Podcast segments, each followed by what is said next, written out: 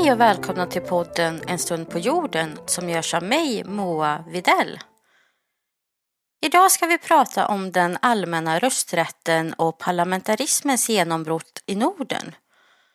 Förutom de enbart politiska aspekterna så kommer jag också ta upp frågan om klass och genusaspekten i de olika länderna.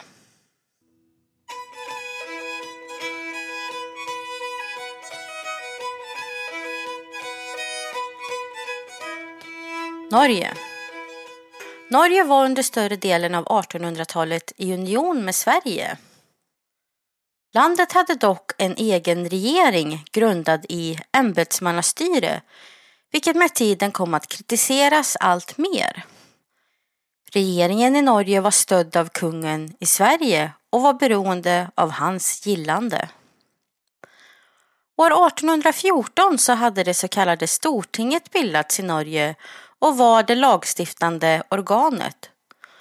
Stortinget och regeringen i Norge stod under 1870-talet i kraftig opposition till varandra.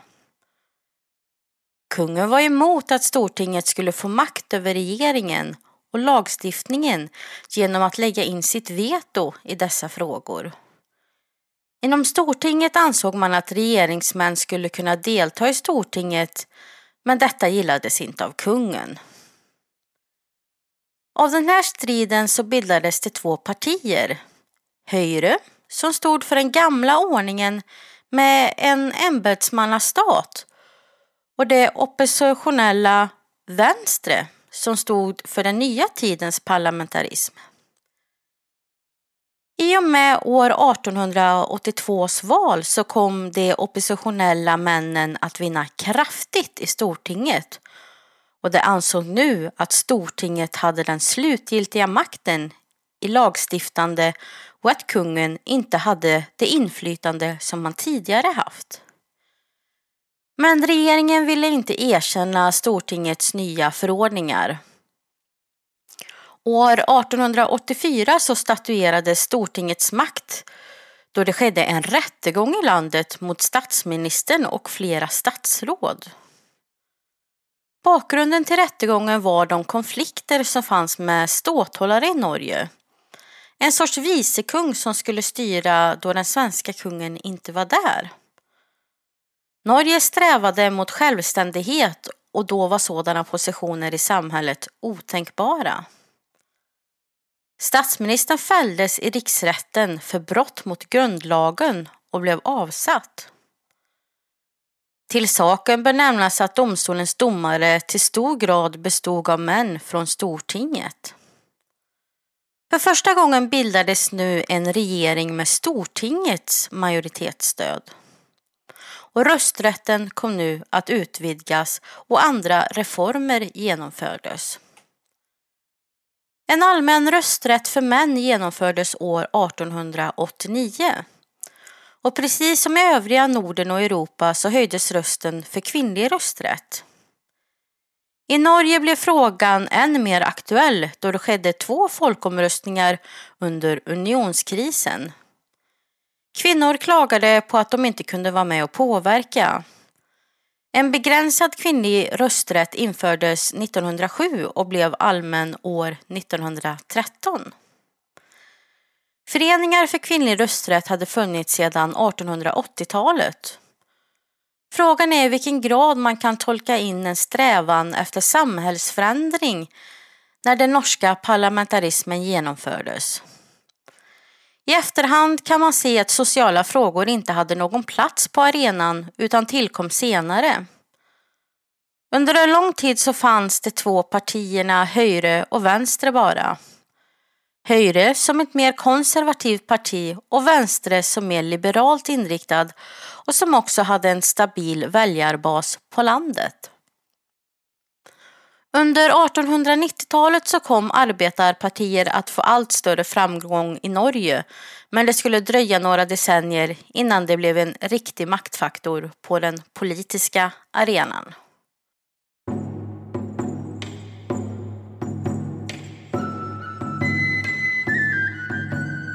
Danmark Danmark har den äldsta parlamentarismen i Norden Redan på 1870-talet hade partierna Höyre och Vänstre bildats och sex år senare bildades Socialdemokraterna. Dock så kom de inte in på den politiska arenan på flera år. Vänstres valkrets bestod av bönder och nationalliberala män men gick också att finna i städerna.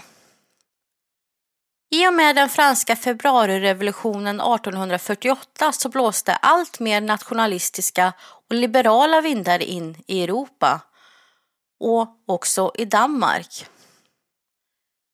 Ett allt större krav på att avskaffa landets envälde skedde. Kravet från vänstre var att landet skulle styras demokratiskt och att regeringen skulle ha ansvar inför det så kallade Stortinget.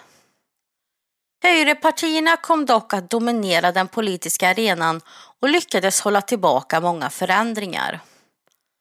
Ända fram till 1901 hade Höyre makten.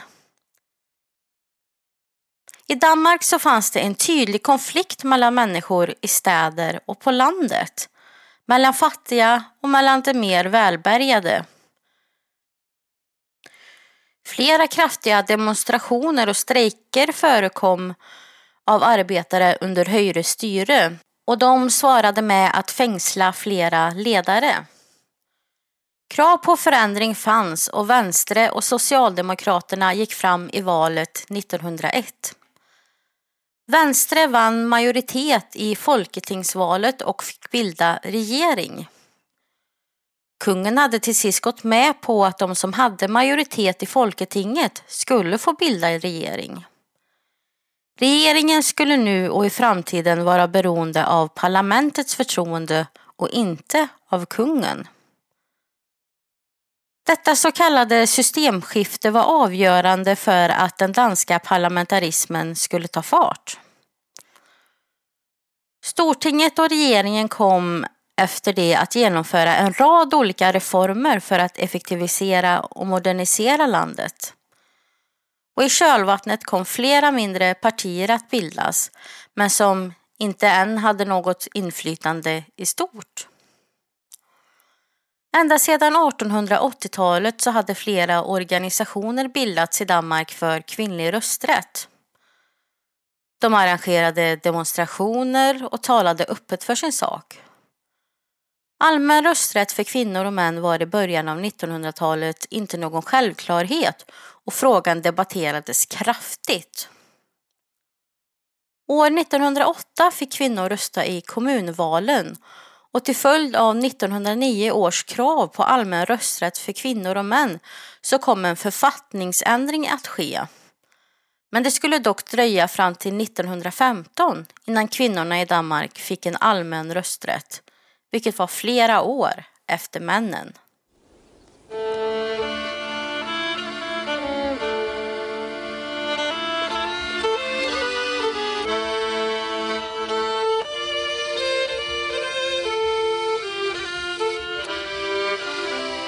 Sverige. Sveriges steg in i parlamentarismen brukar nämnas som relativt långsamt. Vid sekelskiftet gällde fortfarande år 1809 års regeringsform. Riksdagen hade ändrat karaktär från ståndsriksdagen till tvåkammarindelningen 1866. Valen till riksdagen var i princip personval där riksdagsmännen inte tillhörde något parti. Första kammaren bestod av mer bemedlade män medan andra kammaren var mer folklig. I andra kammaren var också Lantmannapartiet starkt men annars var det snarare två block som växte fram inom svensk politik. Protektionisterna och frihandlarna. Protektionisterna förespråkade höga tullar, var försvarsvänligt var emot rösträttsreform, försvarade unionen med Norge, försvarade sociala och ekonomiska skillnader. Man kan kalla det för en konservativ högerinriktad grupp. Frihandlarna var för låga tullar, mot höjda försvarsanslag, för rösträttsreformer, för unionsupplösning och för ett större socialt ansvar för utsatta grupper i samhället. Den här gruppen kan anses ha varit liberalinspirerad. Det fanns således en konservativ och en liberal partigrupp samt en socialdemokratisk partigruppering som hade sitt ursprung i arbetarrörelsen som tillkommit under slutet av 1800-talet. Men Sveriges partipolitik tillkom först efter sekelskiftet med Högerpartiet, Liberala samlingspartiet och Socialdemokraterna. 1917 bildades Sveriges kommunistiska parti och 1921 Bondeförbundet. I Sverige inrättades statsministerämbetet 1876 men befattningen hade i princip ingen verkan då kungen och den konservativa regeringen fortsatte i invanda spår och försökte hålla andra kammaren på så behagligt avstånd från verkligt bestämmande. Och 1905 förändrades situationen då Liberalerna i andra kammaren fick möjlighet att bilda regering under Karl Staff. Staff hade en vision om att utöka rösträtten samt att genomföra en ny författning. Dock så stötte han snabbt på problem vilket ledde till att han förlorade makten och de konservativa krafterna tog åter ett grepp om den svenska politiken. Högerregeringen kom dock att besluta om utvidgning av manlig rösträtt. En kamp som Liberalerna och Socialdemokraterna kämpat för i flera år. I Sverige fanns föreningar som Sveriges allmänna rösträttsförbund och Landsföreningen för kvinnors politiska rösträtt. Mellan 1907 och 1909 så skedde det reformer som sänkte kraven på inkomst och förmögenhet för att kunna bli vald i första kammaren och att ingen kunde ha mer än 40 röster. Rösträtten utvidgades så att ytterligare en halv miljon nu fick rösta. Rösträtten var allmän men inte lika. Staff kom åter till makten 1914 men tvingades tillbaka efter den så kallade borggårdskrisen där den svenska kungen försökte statuera sin makt genom att replikera ett tal som Staff tidigare hållit till det svenska försvaret. Kung Gustav V ville se en större budget i försvaret och agiterade för sin sak på Stockholms slotts borggård. Kungen och hans anhängare fick en tillfällig seger men så småningom insåg fler att kungen gjort ett tydligt övertramp i hans konstitutionella roll. Kungen fick symbolisera motståndet mot parlamentarismen. Istället så kom en ämbetsmannaregering att ta över makten. Åren efter borggårdskrisen som kom de olika partierna att bli allt mer tydliga med sina avsikter. Liberalerna tappade väljare medan Socialdemokraterna och Högerpartiet gick framåt. Socialdemokraternas framgång visar på hur arbetarrörelsen blivit mer framträdande och att klassfrågor nu var ett faktum. Allt större krav ställdes på allmän och lika rösträtt, även för kvinnor. I skuggan av första världskriget så valde Sverige att inte fokusera på rösträttsfrågan. År 1918 fick män allmän och lika rösträtt och året därefter var det kvinnornas tur. År 1921 kunde kvinnor för första gången rösta i valet till andra kammaren.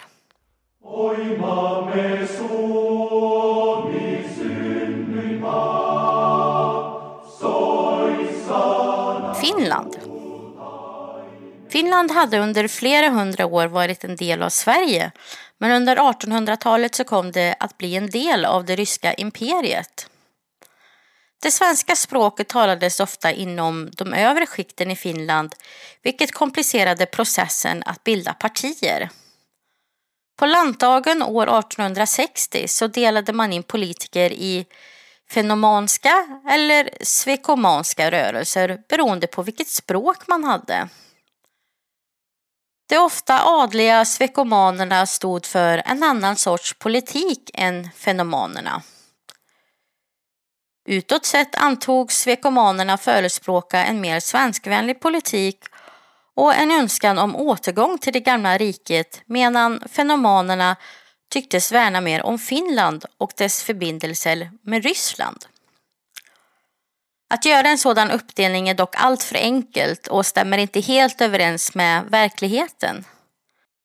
Finland vände sig mot väst socialt och ekonomiskt trots att Ryssland stött fenomenerna, vilket kan vara ett tydligt tecken på att indelningen inte var helt korrekt.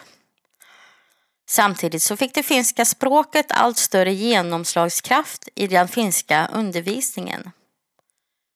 Med tiden kommer Rysslandsfrågan och samhällsfrågor att bli allt viktigare i Finland. Finland som var en autonom region under den här tiden hade en viss bestämmanderätt och den ville de utnyttja. Flera partier kom att bildas under det sena 1800-talet och motståndet mot Ryssland blev allt större. En av de första moderna partiorganisationerna var den socialdemokratiska som värvade många medlemmar inom arbetarklassen. 1901 kom order från Ryssland att finska män skulle göra värnplikt, något som upprörde många. Det var först efter den ryska revolutionen år 1905 som den ryska attityden till Finland lättades upp. Saren och hans män, de var helt enkelt upptagna på annat håll. 1906 är kanske den mest betydande året för den finländska parlamentarismen. Snabbt och plötsligt utan större förvarning så infördes det en enkammarriksdag där såväl kvinnor som män hade rösträtt. I och med att valsystemet nu var proportionellt så krävdes det att fler partier började organisera sig. Bland annat så bildades Folkpartiet 1906 och Agrarförbundet 1908. Finlands första riksdagsval hölls 1907 och Finlands socialdemokratiska parti fick flest mandat. Kanske var detta ett tecken på hur viktigt de sociala frågorna ansågs vara i Finland. Kvinnorna hade ett trumfkort i Finland som antagligen tidigare lades deras rösträtt med flera år. Många kvinnor kämpade mot den så kallade förrystningen, vilket ansågs vara en viktig fråga i kommande politiska val. Det stora antalet röster som en antirysk politik skulle kunna få utgjordes delvis av många kvinnor.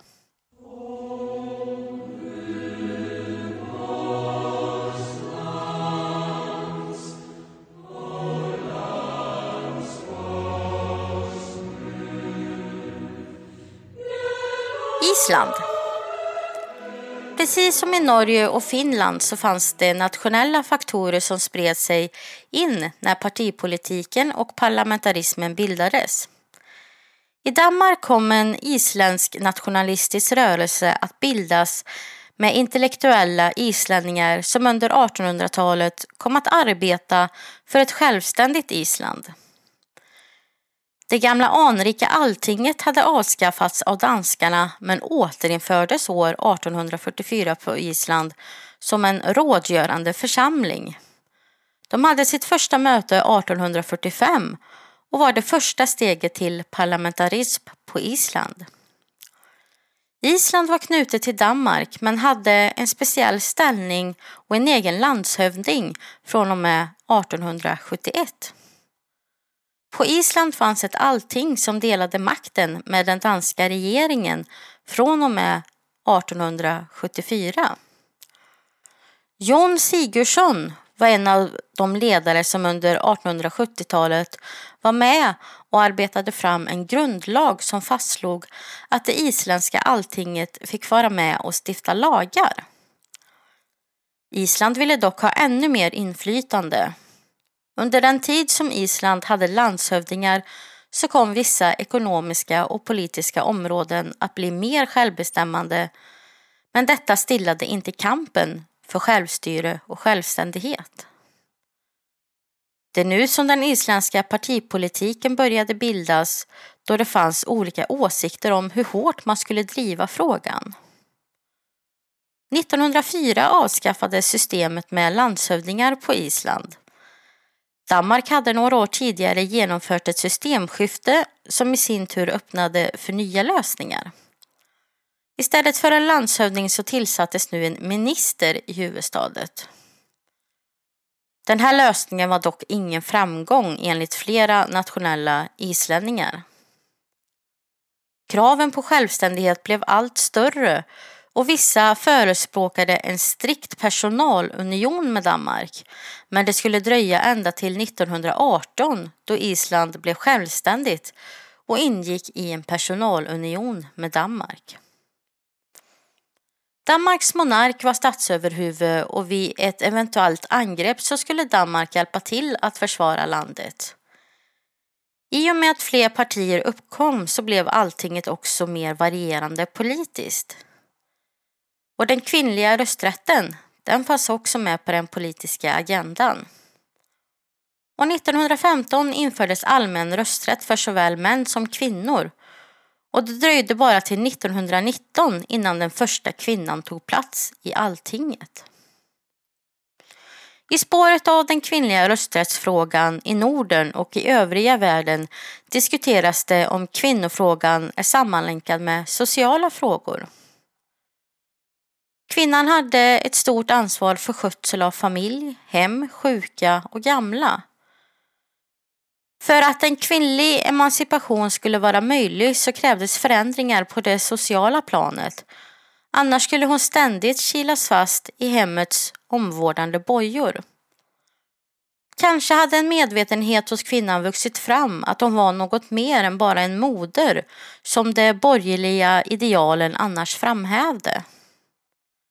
Jag anser att det är viktigt att man ser dessa frågor i ett gemensamt sammanhang, alltså i en kontext som kan ge förklaringar och skaffa förståelse för vilka drivkrafter som låg bakom de politiska förändringar i början på 1900-talet. Dock så förminskar jag inte kvinnors intellekt, förmågor eller betydelse på något sätt då det också var oerhörda viktiga faktorer i rösträttskampen.